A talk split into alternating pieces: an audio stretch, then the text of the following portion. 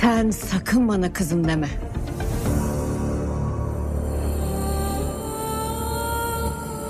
Şimdi hepiniz birbirinizi yiyin. O evdeki huzurun bozulsun anne biraz.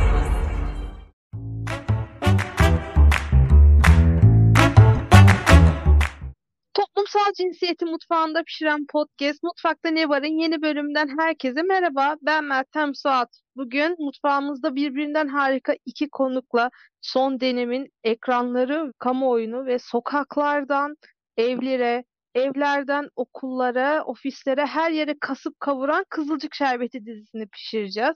Öncelikle konuklarım İpek Maya Saygın ve Gerçek Gündem yazarı Sema Kızılarslan'a da sohbetimize başlamadan önce diziyi hiç bilmeyen dinleyicilerimiz için birazcık Kızılcık Şerbeti'ni anlatmak istiyorum. Çünkü biliyorum ki benim multi entelektüel ve bohem takılan dinleyicilerim evde sadece Net Geo ve Mubi seyrediyordur. Kızılcık Şerbeti dizisi malumunuz 22 haftadır Show TV'de yayınlanan bir dizi. Dizi seküler bir aileden gelen Doğan'ın evlenmeden önce hamile kalması sebebiyle muhafazakar bir ailede yetişen Fatih'le evlenmesini, bu evlilikle ailelerin kaynaşmasını ve bu kaynaşmayla birlikte her iki ailenin içindeki kültürel farklılıkları ve çatışmaları anlatıyor. Dizi ilk yayına girdiğinde ki hani bazı devamlı dinleyicilerimiz hatırlar. E, Afra Teren Güllüler'le Türkiye 90'lara mı dönüyor podcast'ini yaptığımızda orada diziden bir sahneyi alıntılamıştık. E, özellikle o sahnede de Doğan'ın annesi Kıvılcım Hanım'ın tesettürlü kadınlarla ilgili e, ay her yerdeler gitsinler tarzındaki ifadesi çok tartışılmıştı. Ve bu sebeple sosyal medyada gene mi e, muhafazakarlar mağdur oluyor? Artık bu 28 Şubat mağduriyetine son verin tarzında tartışmalar döndü. Ama bir anda dizide işler son birkaç haftadır tersine döndü ve dizinin içinde yer alan yan karakterlerden Fatih'in ablası Nursema'nın erkek arkadaşı olduğu için zorla evlendirilmesi ve evlendiği adam tarafından camdan atılmasıyla dizi bir anda Türkiye'nin tekrar gündemine oturdu. Evet, öncelikle Maya seninle başlayalım. Sen geçtiğimiz hafta Daktilo'da Nursemalar kime oy verecek yayını da yaptın. Sen ne zamandan beri Kızılcık Şerbeti'ni izliyorsun ve dizi hakkında yorumların neler? Nursema kime oy verecek yayını yaptık ama cevabı biz de bulamadık. Ee, tabii bazı tahminlerimiz vardı. Aslında bir soru üzerinden yola çıkmak istedik. Yani bu jenerasyonun bir parçası, genç başörtülü bir kadın ve başörtülü olduğu için farklı kesimlerden zorbalığa maruz kalan bir kadın acaba nasıl hareket eder, ne hisseder, ne düşünüyordur sorusu etrafından aslında yola çıkmaya kalktık. Ama yani çoğu zaman aslında işte bu AK Parti iktidarının hediye ettiği bir şey belki hepimize bilmiyorum. Yaşadığımız sorunlarda çok ortaklaşmaya başladı. Yani kimliksel sorunlar hala canlı kalmaya devam ediyor. Buna lafım yok. Ama bir yanıyla da sorunlarımız çok ortak, inanılmaz ortak ve konuşurken de bunu aslında bir şekilde fark ediyor olduk. O yüzden bizim YouTube'da yaptığımız yayın e, tam anlamıyla şey denilemez yani. E, bir Nursema yayını denilemez, bir Kızılcık Şerbeti yayını denilemez. Ama e, güzel bir başlangıç noktası oluşturduğunu düşündüğümüz için böyle bir başlıktan yola çıkmıştık. Burada benim ilk e, parçası oluyorum. İnanılmaz heyecanlıymış, onu da söyleyeyim. Daktilo 1984'te bizim yaptığımız yayınlar podcast'e çevriliyor aslında ama doğrudan podcast için konuşmak böyle farklı bir duygumuş. Heyecanlı da dinleyenlere bir kez daha selam vermiş olalım. Diziyle ilgili evet bu senin de bahsettiğin gibi kısaca aslında ilk çıktığında ilk yayınlanan fragmanda biz işte orada tırnak içinde seküler olarak tariflenen yani tırnak içinde demeyelim seküler olarak tariflenen bir kadın karakterin aslında başörtülü iki farklı karakterle, iki farklı e, figüranla aslında bir şekilde kollarının çarpması bir mağazada onun üzerinden bu seküler karakterin onlara bunlar da her yerdeler gibi bir ifadeyle aslında doğrudan onlara değil de işte kızına söylüyor onu esnada. Bir, bir, bir şekilde yaptı o işte, tırnak içinde terbiyesiz diyelim artık buna nasıl ifade etmek gerekiyorsa terbiyesiz davranıştan yola çıkan bir fragman izlemiştik. O fragmanı izlediğimde benim de kafamda beliren şey bunun bir tür artık AK Parti propagandası olacağı gibiydi. Ön yargılıydım açıkçası. Ama sonra anladık ki dizinin e, derdi çok da öyle değilmiş. Ya bir propaganda derdi yokmuş aslında. Dizi bir şekilde daha önce konuşulmamış, üzerine çok gidilmemiş bir şeyi ele almaya kalkıyor. 2 farklı aile arasındaki çekişme desem eksik kalır. Ama bu 2 farklı ailedeki farklı karakterlerin aslında kendilerini nasıl o Türkiye içinde var etmeye kalktıklarını biraz irdelemeye kalkıyor. Onu yansıtmaya kalkıyor. Orada da e, tabii yani şimdi bu podcast'i dinleyen arkadaşların büyük çoğunluğu tahmin ediyorum iki buçuk saat süren bir Türk dizisine çok büyük heyecan duymuyorlardır. Hani bu dizi ya da diğer diziler olsun. Durum benim için de farklı değil. Yani içerikleri hızlı tüketmeye alıştık çok. Çarpı 2 ile izleyemediğimiz çoğu şey anlamsızlaşıyor. Ben de e, dizi çok böyle konuşulduğu zaman yani şey olmuştu. E, hem Nevşin Mengü hem de aynı gün benim çok takip ettiğim bir kanal var Kutsal Motor diye tavsiye de ederim YouTube'da. Orada Zeynep Ocak diye böyle harika bir yorumcu var. Çok sevdiğim. İkisinin önerisi böyle üst üste geldi ve ben de bir bakayım hani ne oluyor. Bir de annem de çok izliyor. Annem de takip ediyor ve hatta şöyle yapmışlar annemler böyle bir işte bir nevi bir gece düzenleyip aslında kendi arkadaşlarıyla birlikte oturup açmışlar hani ne olacak diye. O da Nur Sema'nın bu patlama karakteriymiş. Hani çok konuşuldu intikam e, sahnesi denilen. Ben de merakımı cezbetti bayağı. Bir bakayım diye açtım ve iki gün içinde bir de baktım ki 20, 20 bölüm geride kalmış. Tabii ben atladım, ikiyle izledim, bir buçukla izledim e, tahammül edemediğim için. O yüzden muhtemelen bunu dinleyenler de e, böyle bir yatırım yapmaya girişmeyeceklerdir belki. İlgilerini de çekmeyebilir aslında. Yani görmedikleri şeyleri görüp görmediklerini yani yeni şeyler görüp görmedikleri konusunda bir soru işareti bırakırım. Ama benim için yeni olan, hani benim görmediğim, tanımadığım, bilmediğim, anlamayı istediğim kişi Nur Sema'ydı. Yani Nur Sema dizinin en başlarında özellikle çok daha böyle muhafazakar perspektife sahip. Kendisi gibi olmayan herkes için hidayet diliyor aslında ve kendisi gibi olmayan işte başını kapatmayan ya da e, belli başını kapatmayan değil de mesela mini etekli birinin dolaşıyor olması Nur, Nursema için hidayete edilmesi gereken bir davranış. Hani bunu e, kabul edebiliyor değil mesela ki Amerika'da okuduğu gibi bir bilgi geçmesine rağmen. O karakter böyle başlamışken nasıl ilerleyeceği konusu beni merak ettirdi. Yani çünkü onun bir teması vardı bir karakterle, bir erkek karakterle. Erkek karakterle ilk temasında gözünün içine dahi bakamıyordu. Muhtemelen ailesinde de yani öyle gördüğünü e, anlıyoruz bu durumda. Erkeklerle göz göze bile gelmemesi gerektiğini anlıyoruz. Bu denli muhafazakar bir karakterden bahsediyoruz. Ama o göz göze gelemeyen ama yine de o erkek karakterden etkilendiği belli olan yani dini perspektiften bakarsak aslında nefsiyle bir anlamda savaşın içine girmesi gerektiren bir karakterden bahsediyoruz. Bu beni inanılmaz heyecanlandırdı. Çünkü e, benim için bir kadının kendini nasıl var ettiği meselesi inanılmaz önemli. Ve yani benim başörtülü hiçbir arkadaşım yok.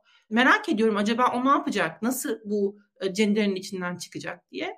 Bu beni aslında ilk böyle motivasyonumu sağladı. Şeyi söyleyeyim e, hem de e, şey heyecanlandırmış da oluruz podcast'in devam kısmını. Ben e, Nursema karakterinin başını açmasından inanılmaz korkuyorum diye böyle manşetlik bir şey söyleyeyim. İleri doğru da aç, açıyor olayım onu biraz daha. Ya şöyle araya gireyim. Ben bugün fragmanını dinledim. Sanırım bu hafta Rütük sansüründen önceki son bölümü yayınlanacak. Ve orada e, ailemizin yerli ve milli haset e, yengesi Nilay Nursema'ya sen yakında başını da açarsın diye bir hafif çemkirdi. Nursema da ona sen dağdan gelip bağdakine mi akıl veriyorsun diye bir hani çıkıştı. Hani başını açmayacak. Hani bu zaten hani dizi izleyiciler için de bir wow olur. O kadar da abartılacağını sanmıyorum. Ama Nursema'nın özellikle bu yeniden Refah Hüdapar 6284 tartışmalar içerisinde başörtülü bir karakterken Patrikarya'ya bu kadar diklenmesi herkesin gündemine oturdu. Ya şöyle ben Sema Nur'a söz vermeden önce şunu ekleyeyim. Ben aslında Kızılcık Şerbeti e, e, konuşmaya tövbeli bir insanım. Çünkü karması gelip beni buldu bir süre sonra. O yüzden ben bir süredir Kızılcık Şerbeti eleştirmiyordum. Ya o kadar eleştirilse Evren sana diyor ki al sana bir Kızılcık Şerbeti imtihanı. Ama ya ben ilk başında da ama çok abartıyorlar hala mağdur oluyorlar derken bir anda mağdur olan sekülerler oldu. Ve Nursema da hani 8 Mart'ta Erkan Baş'la birlikte feminist gece yürüyüşünde en çok konuşulan iki karakterdi. Yani o daha uzun adam ve e, Nursema yanındayız döviziyle beraber. Ya ben Sema'da da bu 6284 tartışmalarını ve Nursema karakterin bu tartışmaların neresinde olduğunu sormak istiyorum. Sema sen ne zamandan beri izliyorsun diziyi Ve bu tartışmaların içinde Nursema karakterinin gelişimini nasıl yorumluyorsun? E, herkese merhaba öncelikle. Ne zamandan beri izliyorum? Aslında ben yani bir ay önce kadar ya da 3-4 hafta önce kadar oturdum ve bütün bölümleri izledim çok konuşulduğu için. Normalde ben de Türk dizisi çok uzun zamandır izlemiyorum. Bunu böyle övünecek bir şey gibi söylemiyorum ama gerçekten hani o kadar uzun sahnelere çok bir tahammül edemiyorum.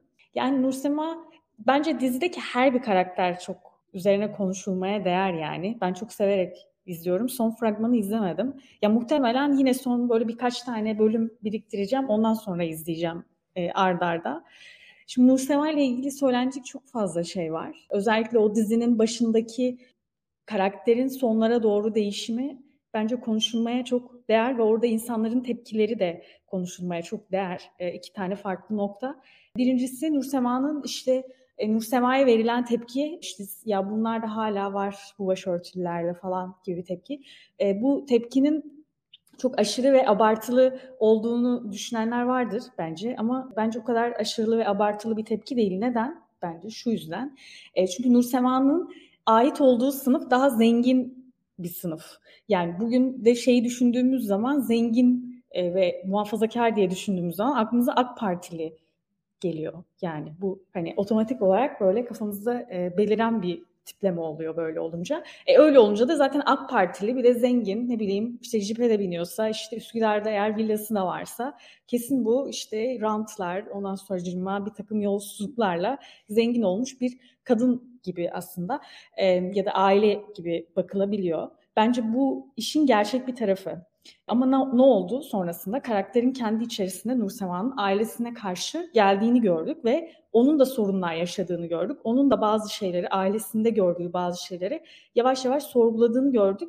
Nursema'nın ama sorgulamaya başlama evresi benim için çok önemli. Bir ilişki yaşamaya başlıyor. Yani birini bir erkeği seviyor. Hayatında belki de ilk defa bir erkekle temas ediyor, konuşuyor, duygusal bir şeyler paylaşıyor Sonrasında ailesi bu ilişkiyi öğreniyor. İlişki dediğimde de yani seküler bir ilişki gibi düşünmemek gerekiyor yani. E, tamamen e, flört gibi göz göze bakmalar, belki el ele tutuşmalar ama hemen eli çekmeler böyle bir ilişki ve ailesi bunu öğrendikten sonra Nursema'yı eve kapatıyor. Daha doğrusu annesi yani. O saate kadar ama annesiyle Nursema'nın ilişkisine baktığımızda çok iyi iki arkadaş görüyoruz. Nursema'nın annesinin kızını çok sevdiğini, örnek gösterdiğini, onunla gurur duyduğunu görüyoruz. 30'unu artık geçmiş bir kadının bir erkekle ilişkisi olduğu için annesi tarafından odasına kapatıldığını, telefonunun elinden alındığını görüyoruz. Bilmiyorum bunun çok abartılı bir şey, bir tepki oldu ya bu kadar da olmuyordur herhalde gibi düşünen varsa çok yanılıyorlar. Yani bunu yaşamış çok fazla insan, çok fazla arkadaşım var. E, muhafazakar Müslüman, dindar, daha mütedeyin ailelerde doğup büyüyüp herhangi bir erkekle mesajlaşması bile yakalanan, yani hiç görüşmemiş ama mesajlaşması yakalandığı için eve kapatılan, yıllarca eline telefon verilmeyen, kursa gönderilen bir sürü tanıdığım arkadaşım var. Nursema'nın da onu böyle kısa bir e, şekilde yaşadığını görüyoruz. O eve kapatılma mevzusu bence Nursema için ve hani o eve kapatılmasında şu da var. Annesinin e, bu zamana kadar çok sevdiği kızının kendi olduğu ilk defa kendi olarak yani annesinin ailesinin dışında verdiği bir karar ilk defa hayatında başka bir insanı hayatına katmak, onunla duygusal bir şey paylaşmak. Bu anda ilk ya- yapılan tepki tamamen sen kendin olamazsın. Kendin olduğun an seni sevmeyiz. Gerekirse eve kapatırız. Sen kendin olmaya çalıştığın sürece senin kafana kafana vuracağız. Olamazsın gibi tepki vardı. Orada Nur Sema'nın bir şeyleri sorgulamaya başladığını görüyoruz. Çünkü o da aslında o ilişkiyle birlikte ve aslında o gelinin ailesinin de yapısını gördükçe bir şeyleri sorguluyor. Yani kendinsizlikten kurtulmaya çalışıyor. Tam böyle arada bocada bir yerde ben başörtüsünü çıkaracağını düşünüyorum bu arada. Yani çünkü o sorgulamanın sonu özgür yani bunu başörtüyü çıkarmak özgürlük gibi söylemek istemiyorum ama yani bence çoğunlukla oraya doğru giden bir yoldur o. Ben bu diziyi iki tane başörtüsünü çıkarmış Nursema ile hemen hemen aynı hayatları yaşamış arkadaşımla birlikte izledim. Böyle ağlayarak falan izlediler. Çünkü bence işin ikinci boyutu da, bu birinci boyutuydu buraya kadar anlattım. İkinci boyutu da bu diziyi izleyen ve aynı hayatı ya da aynı olmasa da bir noktasında belki erkek arkadaşı olduğu için baskılanmış ya da işte AK Partili olarak görüldüğü için dışlanmış kadınların aslında AK Partili olmayan, aslında içeride ailesine karşı müthiş bir mücadele veren, bütün belki feminist ya da feminizm diye konuştuğumuz her şeyin çok çok çok çok üst bir noktasında bir mücadele veren ve kendi hikayesinin bir parçasını televizyonda gören ve ilk defa gören. Bence bu da çok önemli. Çünkü normalde Türk dizilerinde bir başkadırı kenara bırakıyorum. Bir başkadırda da çok bir, bir karakterde bu başörtü çıkarma, işte dindar aile, dindar aile baskısı tarafını görmüştük. Ama ilk defa televizyon Türk dizisinde muhafazakar Müslüman insanların da normal olduğunu, yani normalleştiğini çünkü bir şeyin dizi haline getirilmesi, kültürel olarak kullanılan işte bir tüketim olarak e, kullanılan bir şey olarak görülmesi, onun normal olarak kabul edilmesi anlamına gelir bence. Ve ilk defa bir Türk dizisinde muhafazakar bir ailenin normal o normalleştiğini görüyoruz yani.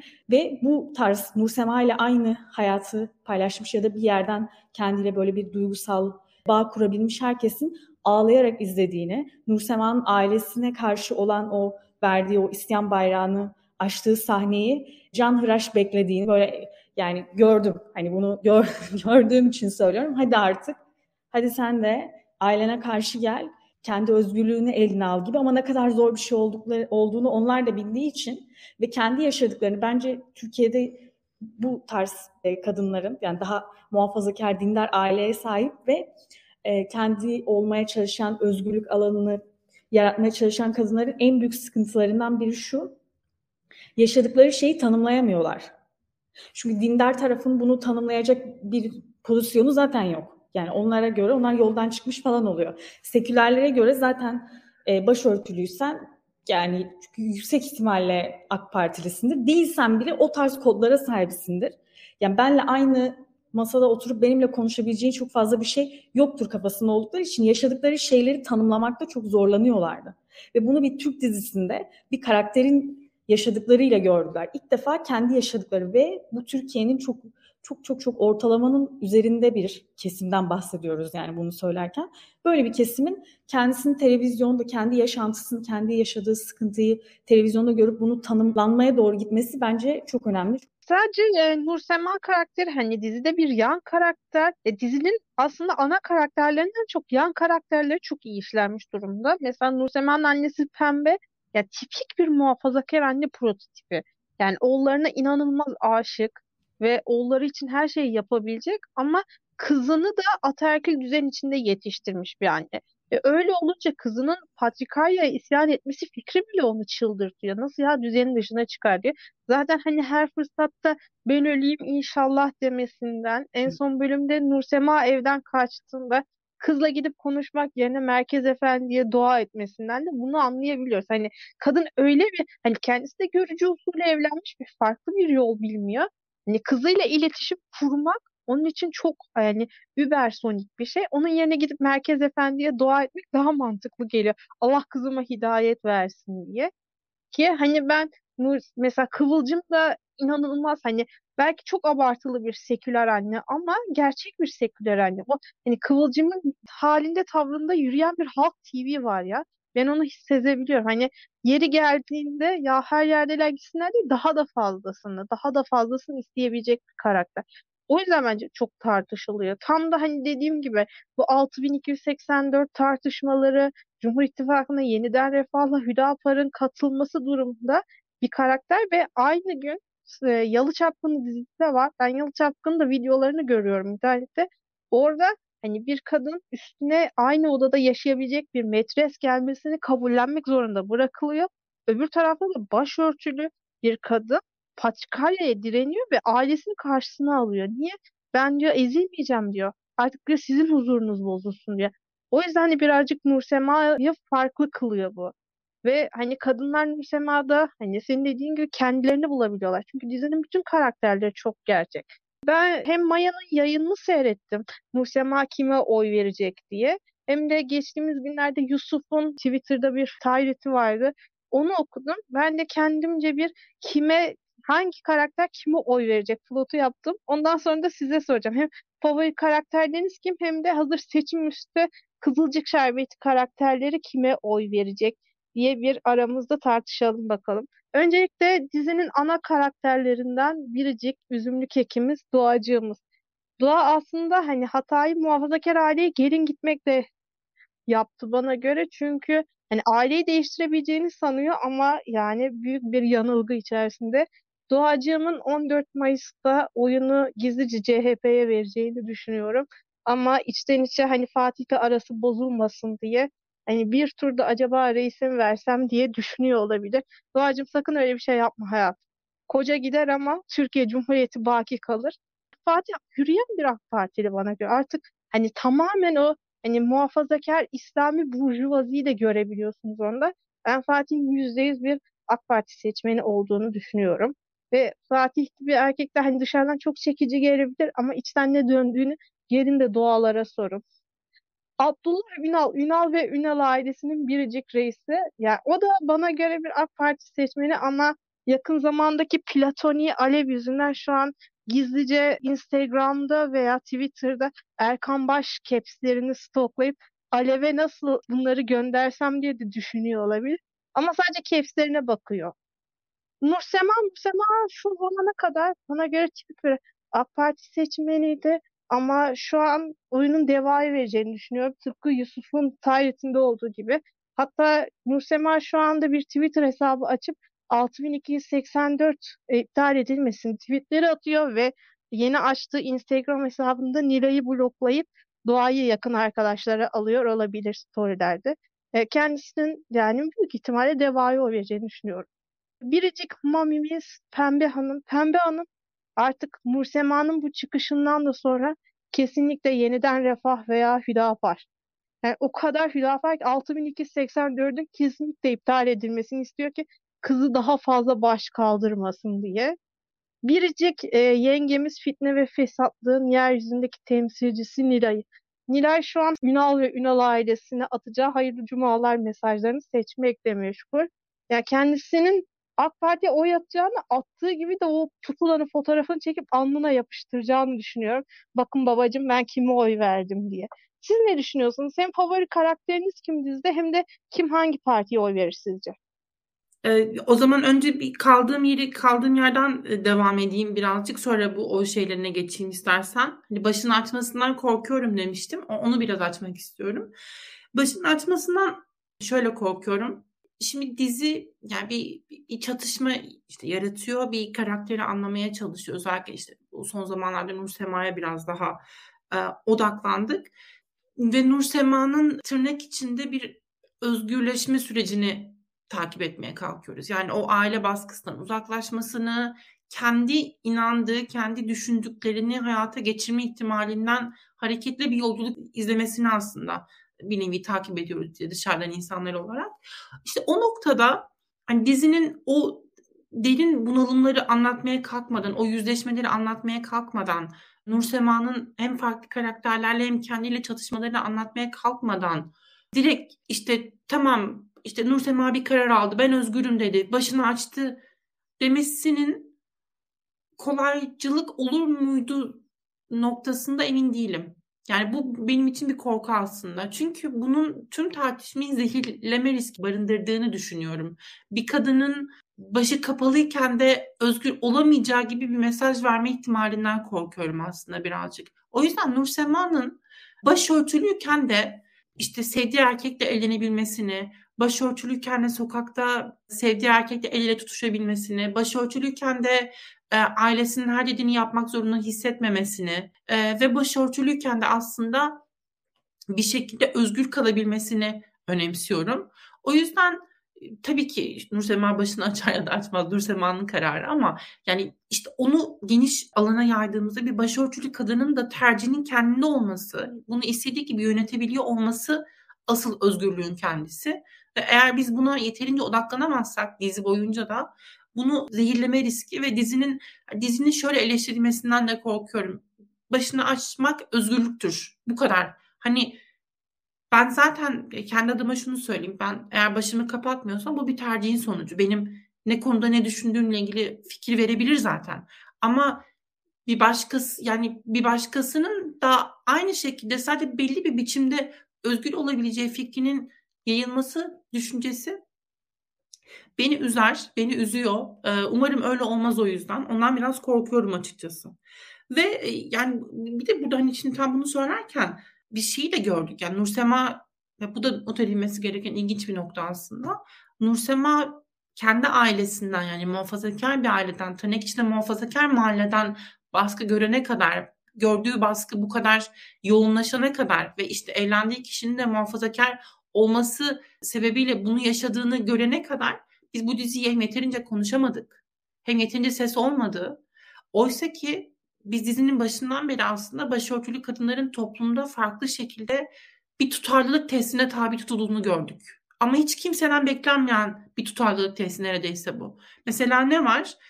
Başörtülü kadınsa bütün dünyevi nefislerinden uzaklaşmış olması gerekiyor nefslerinden. Mesela lüks alışveriş yapmaması gerekiyor. Çünkü başını kapattı ya artık o dinler bir kadın tırnak içinde söylüyorum bunları tabii ki. Bu durumda onun bu tür lüks ihtiyaçlardan arınmış olması gerekir. Gibi bir nokta. Böyle bir beklenti. Ya da Nursema mesela işte bu erkek arkadaşıyla yakınlaştığı, görüştüğü zamanlarda mesela bir parkta görüşüyorlar. Elleri değiyor birbirlerine. Yani yapabildiklerinin maksimumu bu. Çünkü Nursema çekiniyor. Farklı tür bir fiziksel temas kurmaktan. Onun için o kadar hassas bir nokta bu. Ama o esnada orada oradan geçen işte bir karı koca ama kadının başı açık. Yani tırnak içinde seküler olduklarını tahmin ediyoruz. Her neyse. Ki başörtülü olsa da bu arada aynısını söyleyebilirdi. Hiç şaşırmam yani. Çünkü diyorum ya başörtülü kadın özne olarak zaten saldırıya uğrayan ve söyledikleri şey şu başını kapatmış ama işte el ele bilmem ne. Bu kabul edilemez. Bunun işlenmesini çok önemli buluyorum ve dediğim gibi burada benim için asıl mesele başörtülü kadının neyi nerede bitireceğini, neyi nasıl yapacağının ve nasıl bir e, kamusal görünüme sahip olacağını kendinin belirlemesi meselesi. Bunu önemsiyorum ben ve bunu işlemesini umut ediyorum. Ve tekrar not etmekte yarar var. Yani başörtülü kadınların sürekli ultra bir tutarlılık, ultra bir ahlaklılık testine kabul et, e, tabi tutulması inanılmaz yanlış, inanılmaz problemli. Buna daha fazla eğilmek gerekir diye de düşünüyorum. Mesela Nur Sema'nın zorla evlendirilip evlendirilmediği meselesinde de bir onu onunla ilgili de bir şey söylemek istiyorum. Aslında Nur Sema tırnak içinde zorla evlendirilmedi. Yani aile baskısına maruz kaldı. Ama Nur Sema isteseydi bir şekilde evet o da kilitlendi vesaire ama Nur Sema'nın o evden çıkıp o evden gidip istediği şeyi yapacak şeyi vardı, alanı vardı aslında yapabilirdi bunu. Ama aile baskısı o kadar ağır ki aileye duyduğu saygı, ailede ne gördüğü meselesi bunlar aslında e, aslında Sema'nın da az önce bahsettiği yani bu neye uğradığını anlamama. Çünkü karşınızda düşmanınız yok. Karşınızda hayatınız boyunca gördüğünüz, sevdiğiniz insanlar ama size hiçbir şekilde alan açmıyor, sizi dinlemiyor, size kulak vermiyor, sizi bir birey olarak görmüyor. Sizi kız çocuklarıyla e, erkek çocukları arasındaki eşitlik dengesini şaşırmış başka insanlar karşılıyor ve yani aileden bahsediyorum. Aile kurumunun bu şekilde işliyor olması yine çok problemli bir alan aslında. Çünkü siz doğrudan bir redle karşılaşmıyorsunuz. Doğrudan bir doğrudan zaten sahiplenmeyle karşılaşmıyorsunuz ama doğrudan redle karşılaşmıyorsunuz. Karşınızdaki düşman değil. O zaman yapacağınız her şey çok daha karmaşık hale geliyor. Burada aslında bilmiyorum hani uzun vadede konuşulur muydu? Hani Türkiye için e, ne, ne kadar bir opsiyon olurdu? Özellikle yani işte başı örtülü olsun ya da başı açık olsun. E, kadınların acaba nasıl aileye karşı kendilerini güçlü kalabilecekleri, bağımsız kalabilecekleri meselesi. Bu noktada aile baskısıyla mücadele ederken acaba ne tür metodların izlenebileceği meselesi. Buna da bir soru işareti koymak lazım. Şimdi şeye gelelim, e, oy verme konusuna gelelim. Tabii Nursema'dan başlamak lazım. Nursema'nın oy tercihi nasıl olurdu acaba? Nursema'nın oy tercihini ben de deva olabileceğini düşünüyorum. Yani Nursema özellikle yaşadıkları yaşadığı son şeylerden sonra mesela şimdi şöyle şöyle ifade edelim. İlk başta ne diyordu Nursema? Etekli karakter gördüğü zaman hidayet versin diyordu. Bu tipik bir kendinden olmayanı doğru olmadığı perspektifini yansıtıyor. Biz bunu aslında hangi e, siyasi partiyle çok fazla görüyoruz? Tabii ki AK Parti ile görüyoruz. Çünkü AK Parti şeyine göre, o mental setine göre aslında onlar gibi düşünmeyen, onlar gibi var olmayan yani muhafazakar olsun olmasın bir şekilde AK Partili olmuyorsan yerli ve milli savaşın içinde değilsen aslında o şeyin parçası olmuyorsun yani kabul edilmiyorsun ve yanlış oluyorsun aslında. O mindset'e sahip, o e, mental bilince sahip bir karakter de herhalde AK Parti'yi desteklerdi. Çok onun için elverişli olurdu. Ama şimdi bu son yaşadıklarından sonra, uğradığı baskıdan sonra ve kendini var etme çabasına girmişken herhalde Deva biraz daha yerinde olurdu. Çünkü Deva'nın da aslında benzer bir karakteri var. E, Deva'nın da e, yani oradaki işte politik aktörlerin kendilerini ifade ederken bu ayrılma sürecinin, AK Parti'nin ayrılma sürecinin nasıl işlediği noktasında neyi söylüyorlar? İşte biz aslında fikirlerimizi ifade edebiliyor değildik. Orada da bir hani bir baba karakteri adeta Erdoğan'ın işte partide güçlenmesi ve birçok kişinin bir şekilde saf, saf dışı bırakılması, partiden gönderilmesi meselesi. Partiden gönderilirken ama aslında doğrudan siz git demiyor. Yani partinin dışına atmıyor ama onun fikirlerine saygı duymuyor, varoluşuna saygı duymuyor. Deva da aslında benzer bir e, bilinçle yani o parti kültürü de aslında bu şekilde inşa edildiği için bence oradan bir benzerlik kurabilirdi. Bir şeylerin değişmesini istiyordur belki ama çok politik bir karakter olup olmadığı ile ilgili bir soru işareti koyardım açıkçası. Oy kullanmaya gider miydi, gitmez miydi? Yaşadıkları, yaşadığı bunca şeyden sonra acaba kendi mücadelesinin muhalefet partileri tarafından görüldüğünü hisseder miydi, hissetmez miydi? Orada yine bir soru işareti koymak lazım ama herhalde devaya o verirdi diye düşünüyorum. Nursema'nın anne babası Şimdi bu Abdullah karakterinin işte işte otellerinin olması, zenginleşmesi vesaire ona çok e, böyle konuşuldu. Yani işte bunun bir e, tırnak içinde AK Parti zengini olabileceği meselesi. Doğru belki öyledir. O zaman AK Parti oy vermesi de garip olmaz. Ben de şaşırmam. Pembe karakteri farklı bir karakter gerçekten. Pembe karakteri biraz tanıdık geliyor. Yani işte o mesela evlenmeden önce başı açıkmış, sonra kendi kendine böyle bir karar almış ve o ilerleyen süreçte işte bu muhafazakar adamla birbirlerini seviyorlar bir şekilde kendi kendi içlerinde, kendi çaplarında. Bu arada şeyi unuttum. Abdullah karakterinin, bu arada e, bu spoiler, Abdullah karakterinin farklı bir aşk üçgenine doğru ilerlediğini de görüyoruz dizinin e, son zamanlarında. O yüzden Abdullah karakteri acaba onun da bir özgürleşme süreci olur mu? O nasıl e, nefsiyle mücadele edecek ve nasıl bir oradan ders alacak? Ve bu acaba AK Partililiğini nasıl etkiler? Oraya da bir soru işareti koymuş olalım. Annesine dönersek annesi farklı bir karakter söylediğim gibi. Hani Abdullah karakteri dedin ya özgürleşecek diye. Ben şunu düşünüyorum. Bence Abdullah karakteri şu an elindeki bütün kaynaklarla fetva hatlarına saldırıyor ve diyor ki İslam'da gerçekten dörde kadar mıydı hakkımız diye. Çünkü Alevi başka türlü ikna etmesinin yolu da hani yok ona göre ve pembeden de boşanamaz. Yani bu saatten sonra boşanması hem de yani Dünür'ün kardeşi için boşanması bütün muhafazakar çevresinde yankılanır Hani bu dörde kadar yolu var mı? Gizlice onu stalkluyor olabilir. Hatta Alev'e de atıyordur çaktırmadan. Yanlışlıkla attım diye. Ben Almanya'nın Köln şehrinde yaşıyorum ve burası tarih boyunca en böyle Katolik, en Katolik muhafazakar yerlerden bir tanesi olmuş. Ve burada konuştuğum bir yerel, e, yaş, yaşlı başlı bir yerelle konuştuğumuzda ona sordum hani şu an onun en garibine giden şeylerin ne olduğu meselesini.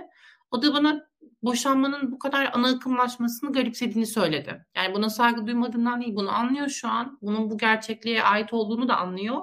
Ama bunun hiç kendileri için bir opsiyon olup olmadığını bile bilincinde olmadıklarını söyledi. Yani onlar için evlilik o kadar e, temel, o kadar vazgeçilmez bir süreçmiş ki bunun hiç aksini düşünmemiş bile. Boşanma diye bir şeyden haberi yokmuş ve ben aynısını işte bu Türkiye'deki hani ultra muhafazakar ailelerde ya da muhafazakar ailelerin hani ultra olmadan da muhafazakar ailelerde de e, gözlemlendiğini düşünüyorum. Bu boşanma fikrinin, boşanma anlatısının. Çünkü işte orada kurulan ailenin o kutsal yapısı bunun bir doğruya işaret ettiği ve işte dinsel olarak da bir temelinin olduğu meselesi.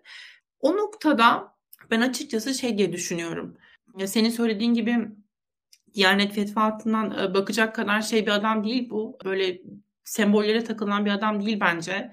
Daha tırnak içinde daha geniş fikirli olmaya müsait bir adam olduğunu düşünüyorum. Öyle bir öyle bir altyapısı var bana sorarsan. O yüzden o konuda seninle, seninle fikir değilim. Ama yani boşanmanın opsiyon olup olmadığı meselesi bence önemli. O yüzden bakalım ne yapacak? Nasıl bir kendi içinde özgürleşme süreci yaşayacak?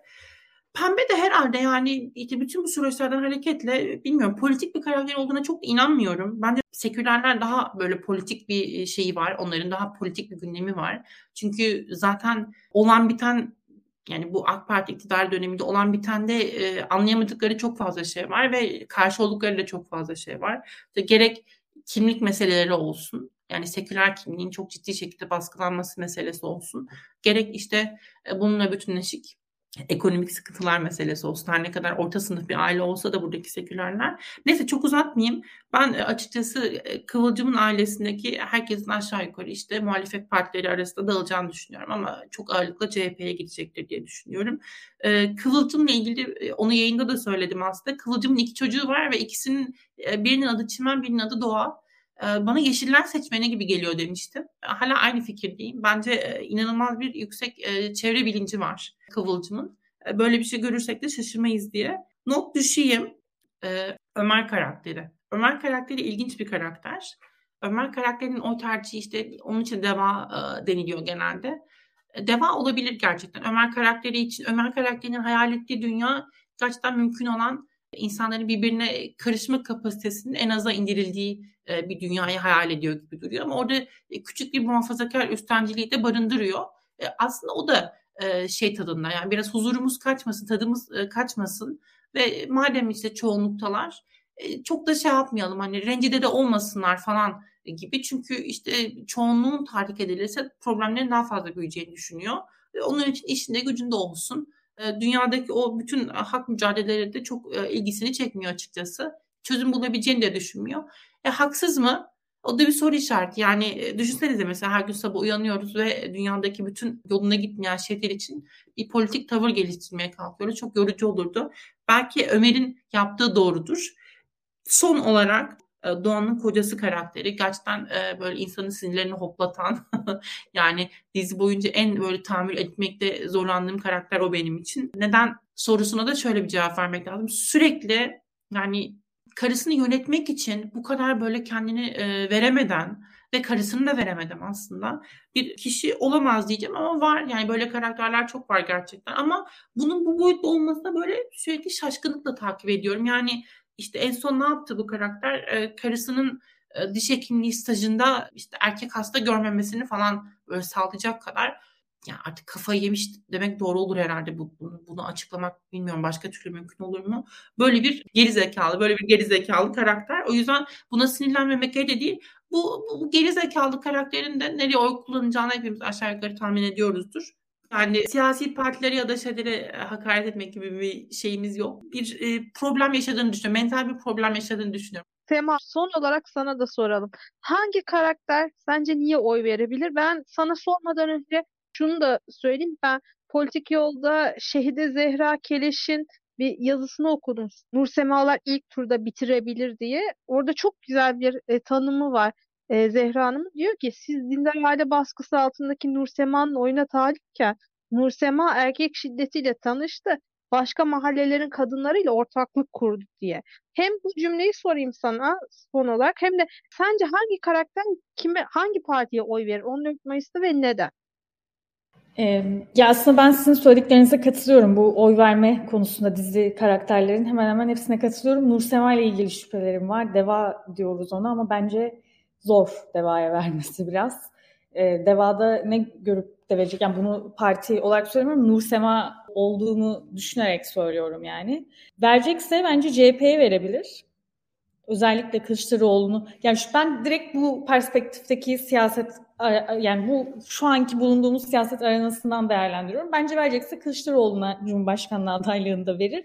Parti bazında da CHP'ye verir diye düşünüyorum. Çünkü e, Nursema gibi değişim yaşamış çok fazla kadını tanıyorum. Konuştum birçoğuyla röportajlar yaptım, derinlemesine görüşmeler yaptım. Ve özellikle böyle ilk sorgulamaya başladıkları anda yani Nur Sema'nın şu an gördüğümüz o sancı çektiği yani bir şeyleri sorguluyor, tanımlamaya çalışıyor, başına gelenleri bu psikolojide olan kadınların önceden muhafazakar ya da hala başörtülü olan kadınların kendilerine böyle AK Parti'yi hatırlatan ya da işte o ailesinin söylediği değerleri hatırlatan her şeyden tiksinerek uzaklaşıyorlar yani. O yüzden böyle Deva'yı daha AK Parti'yi anımsatıyor diye ya da işte böyle görünüş olarak daha yani bir belki CHP kadar ya da tip kadar işte kadın hakları ya da feminizm üzerine bir şey söylemedikleri için yani burada parti eleştirisi olarak söylemiyorum bunu. Direkt Nur Sema'nın bakış açısıyla söylüyorum. Ben çok devay vereceğini düşünmüyorum. Verecekse Kılıçdaroğlu'na özellikle Kılıçdaroğlu'nun başörtülü kadınlarla sürekli muhafazakar kadınlarımız diye böyle başladığı cümleleri dikkate alarak. Onun dışındaki e, bütün söylediklerinize katılıyorum. Yani zaten Kıvılcım CHP. Ömer'in deva olacağını düşünüyorum. Ben Kıvılcım'ı Memleket Partisi'ne vereceğini düşünüyorum ya. Kıvılcım'ın daha da böyle hani zaten Ünal Ünal ailesiyle yaşadığı gerilimler malum ve daha da kim sekülerleştirebilir beni diye. Hani son anda bir Muharrem İnce'ye oy vereceğini ve hani Zafer Partisi'nin şey var ya Zafer Turizm işte sığınmacıları gönderiyoruz kampanyası. Muharrem İnce onunla ilgili mail yazıyor olabilir. Muhafazakarları da gönderebilir miyiz? Lütfen gitsinler diye. Kıvılcım'dan inanılmaz bir memleket partisi vibe'ı alıyorum. Bence evet kafası karışıyor olabilir. CHP'ye mi versem, memlekete mi versem diye. Ama muhtemelen CHP'de böyle bu rahatsız olan bir kitle, kemik kitlesi dediğimiz aynı işte AK Parti'nin de bir kemik kitlesi vardır. CHP'nin de bir kemik kitlesi vardır. Ben çok tanımlara çok katılmıyorum ama CHP'den memnun olmayan ama mecburen vermek zorunda kalacak olan bir karakter gibi. Bu arada benim yani Kıvılcım'la ilgili söylemek istediğim çok fazla şey var. Çok yani o da Orta Doğulu bir seküler yani baktığımız zaman. Kafa yapısı olarak yani kızına söylediği şeyler böyle o aradaki böyle bakışları işte yok seni de kapatırlar zorla falan gibi böyle çıkışları çok e, absürt çıkışlar yani. Hiç hoşlanmıyorum Kıvılcım'dan öyle söyleyeyim. Alev'i seviyorum. Alev deli bir karakter. Ve zaten mesela orada o Alev'le ya burada dizide o kadar çok fazla şey işlenmiş ki mesela Alev'le e, Kıvılcım'ın kardeş olmalarına rağmen annelerinin onlara yaklaşmaları, anne de seküler bir anne ama hep başarı odaklı bir anne. Kıvılcım başarılı okul müdürü ama e, Alev daha hani böyle biraz daha aklı beş karış havada gibi bir karakter olduğu için annenin çok da üzerine düşmediği bir tip. Yani orada böyle seküler ailedeki o başarı baskısı da özellikle biraz daha üst sınıfta onu da görüyoruz. Yani dediğim gibi böyle dizide bir sürü şey işlenmiş. Yani Ömer'in mesela işte abisinin karısıyla evlendirilmesi e, hikayesi. Yani orada şu sadece kafama takılıyor. Bu çok böyle Türk e, geleneğinde olan bir şey değil. Kürtlerde olan bir şey değil. Yani şu anda olduğunu çok zannetmiyorum ama bizden bir önceki yani anne babamızın bir önceki kuşağında olduğunu du- duyuyorum. Duydum yani var. E, işte ölen e, kardeşin karısıyla evlendirilme hikayesi. Yani bazen tutmayan şeyler var ama her şeyi böyle yetir, yedirmeye çalışmışlar diziye. O yüzden e, önemli. Onun dışındaki söylediklerinize katılıyorum. Yani diğerlerini tekrar etmeme gerek yok galiba. Ömer zaten e, devalı görebildiğimiz kadarıyla. Fatih yani umutsuz bir vaka AK Partili e, diyebilirim. E, ben Alev'in tipe oy vereceğini düşünüyorum bu seçimde. O da 8 Mart'ta hani daha uzun adam, Erkan Baş'ın hani daha yakışıklı bulunması, Alev hani fiziğe önem veren bir insan. Gerçi Abdullah Ünal'la yakınlaşması bu tezimi çürütüyor ama hani sırf bu popülizmden dolayı bir kere de tipe vereyim milletvekilliğinde diyor olabilir. Ama hani onun dışında Sönmez'in de mesela memleket ya da deva arasında gidip geleceğini düşünüyorum. Sönmez aslında içten içe çok muhafazakar bir kadın. Hani o Ünal ailesine ters düşme işi, hani onların geleneğini, göreneğini anlamaya çalışması ve Mustafa ile olan o dostluğu. Hani Kıvılcım kadar hardcore bir yürüyen halk TV değil Sönmez. Hatta onu eleştiriyor. Ne var ki kılımda? Ama benim dizide hani şunu da söyleyecek olursam en fav karakterim Nilay ya. Nilay yani o kadar bariz bir yenge ve elti ki son bölümde de çocuğuma altın emzik alacağım. He he Ünal ve Ünallara veliaht doğuruyorum diye. İnşallah Nilay'cığım ejderha doğurursun veliaht yerine de yani umduğunu bulamazsın. Ne Ünal ve Ünal ailesiymiş. Ve şöyle bir dipnot da ekleyeyim. Ben dizinin senaristlerinden biri Nilay karakterinin gerçek hayatta annesiymiş. Yani annesi bir insanın annesi bu kadar itici bir karakteri nasıl kızına oynatabilir? Acaba alttan altta bir mesaj mı vermiş kızına? E, şunu ekleyeyim unutmadan.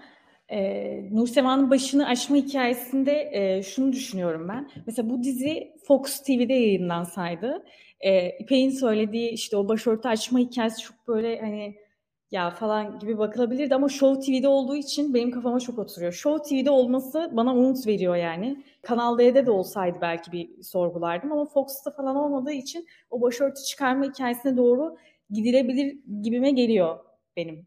Ama göreceğiz. Ya bunu umut ederek söylemiyorum ama hani böyle bir hayatında doğal bir akışı vardır ya o akışta sanki o gerçekleşecekmiş gibi geliyor bana. Peki sence daha uzun bir süreç içinde mi başını açıyor olurdu yoksa daha keskin, daha ani? Yani o illiyet bağını kurma meselesi aslında. Yaşadığı baskıyı başörtülü olup olmaması mi özdeşleştiriyor olurdu ve bunun üzerine hızlıca bir tepki mi veriyor olurdu yoksa daha uzun vadeli ve daha farklı düşünceler sonucunda daha farklı bir yere doğru mu ilerliyor olurdu? Ona, ona ne dersin? Yani şunu düşünüyorum orada. Bu söylediğim aslında şu şuna da çakışıyor. İşte Deva'ya oy vermemesinin sebebi ona böyle o ailesini hatırlatan işte Erdoğan'ı ya da işte AK Parti iktidarı hatırlatan şeylerin e, verdiği bir alerji. Aynı şekilde şu an muhtemelen Nursema'yla dertleşsek şunu görebiliriz. Yani o bu ailesinin böyle olmasının bu kadar baskıcı olmasının sebebini İslam ya da muhafazakarlık olarak yorumluyor. Bunu doğru bir şey olarak söylemiyorum. Ama karşıda gördüğü seküler bir aile var ve mesela yengesiyle konuşmalarında onu hissediyoruz. Siz öyle değilsiniz, siz mutlusunuz. Siz işte birbirinizi anlıyorsunuz. Sen işte senin çocukların çok mutlu olacak gibi. Seküler olmakla mutluluğu böyle biraz bağdaştırmış gibi geliyor bana. Bu da dediğim gibi hayatın doğal akışında ya benim konuştuğum bu, bu zamana kadarki kadınlarda yani öz, özellikle ilk işte 3-4 sene başörtüyü çıkardıktan sonra bu tarz bir alerji oluyor. Yani bunu İslam yüzünden yaşıyoruz. Sonrasında mesela daha soft geçişleri hani o öfke çünkü çok haklı da bir öfke yani. Bu zamana kadar yaşadığın şey için neyi suçlayacaksın ki yani? Orada ne birincisi iktidarı suç benim en çok gördüğüm hani Erdoğan benim ailem ve Erdoğan ve İslam hani bu üçleme olduğu için e, daha böyle keskin bir şey olduğunu düşünüyorum sonra cevap olarak daha keskin bir dönüşüm gibi. Ama daha sonrasında softlaşır gibime de geliyor. Genelde gördüğüm hikaye o şekilde olduğu için biraz. Peki. E, her ikinize de çok çok teşekkür ederim. Mutfağımıza geldiğiniz için inanılmaz keyifli bir sohbet yaptık. Hem Sema sana çok teşekkür ederim. Hem de ta Almanya'dan bizimle Kızılcık Şerbeti eleştiren biricik yayıncımız İpek Maya Saygın'a çok teşekkür ederim. Maya inşallah cennet vatanda da Kızılcık Şerbeti bu kadar tartışılmaz. Yani var mıdır? Orada Türkler izliyor mudur sence? Ya burada Türkler e, çok takip ediyorlar Türkiye'de olan biteni ve dizileri ve kanallar da var zaten e, Türkiye'deki kanalları yani takip etmeleri mümkün açıkçası. O sistemi kuruyorlar e, televizyonlarına. Baya böyle Türkiye ile bütünleşik hayat yaşayan insanlar var. E, tabii ben çok görmüyorum onları ama duyduğum ve yani görebildiğim kadarıyla böyle bir şey var. O yüzden izliyorlardır yani. Çünkü Almanlar bizi kıskanıyor. Hayır Meltem aslında çok özür dilerim. Yani biz hani biraz başörtülü olma olmama şeyinden hani tartışıyor olduk ki ben bu tartışmayı da çok önemsiyorum ama aslında o özgürleşme meselesi biz onu daha önce tartıştık. İşte duvara karşı neydi aslında yani baktığında. Bu zaten hani kadın kadın olmanın çok hani bildiğimiz bir tarafı yani o özgürlük mücadelesi o yüzden buradaki özellikle o baskıya maruz kalan başörtülü olsun olmasın bir sürü genç kadın var. Yani o bir de düşünsene mesela Almanya toplumunda hani çok muhafazakar böyle köylerden kırsaldan gelmiş bir Türk ailede büyümüş Alman okullarına giden burada Almanya'da çok farklı bir e, sosyalizasyon geçiren insanların yaşadığı karmaşayı, kafa karışıklıklarını ve özgürlüğe dair düşüncelerini ve oradaki çatışmayı aslında. Orada bambaşka bir şey var. Bilmiyorum belki size ona da gelir bir gün. Peki. Dediğim gibi her ikinize de çok çok teşekkür ederim mutfağımıza geldiğiniz için. İnşallah ilerleyen bölümlerde tekrar her ikinizi hem birlikte hem de ayrı ayrı konuk alma fırsatı buluruz. Toplumsal cinsiyetin gündemini Nur Sema'nın isyan ateşlerinde pişiren podcast Mutfakta Ne Var'ın bir bölümün daha sonuna geldik. Mutfakta Ne Var'ın geçmiş bölümlerini tekrar dinlemek ve yeni bölümlerinden haberdar olmak için bizi Spotify, iTunes ve Google Podcast kanallarımızdan takip etmeyi Daktilo 1984'ün başta Maya Saygı'nın da e, yayınları olmak üzere diğer yayın ve yazılarına göz atmak için web sitemizi ziyaret etmeyi, YouTube kanalımıza abone olup katıl butonuna tık yaparak bizleri desteklemeyi unutmayın. Hoşçakalın.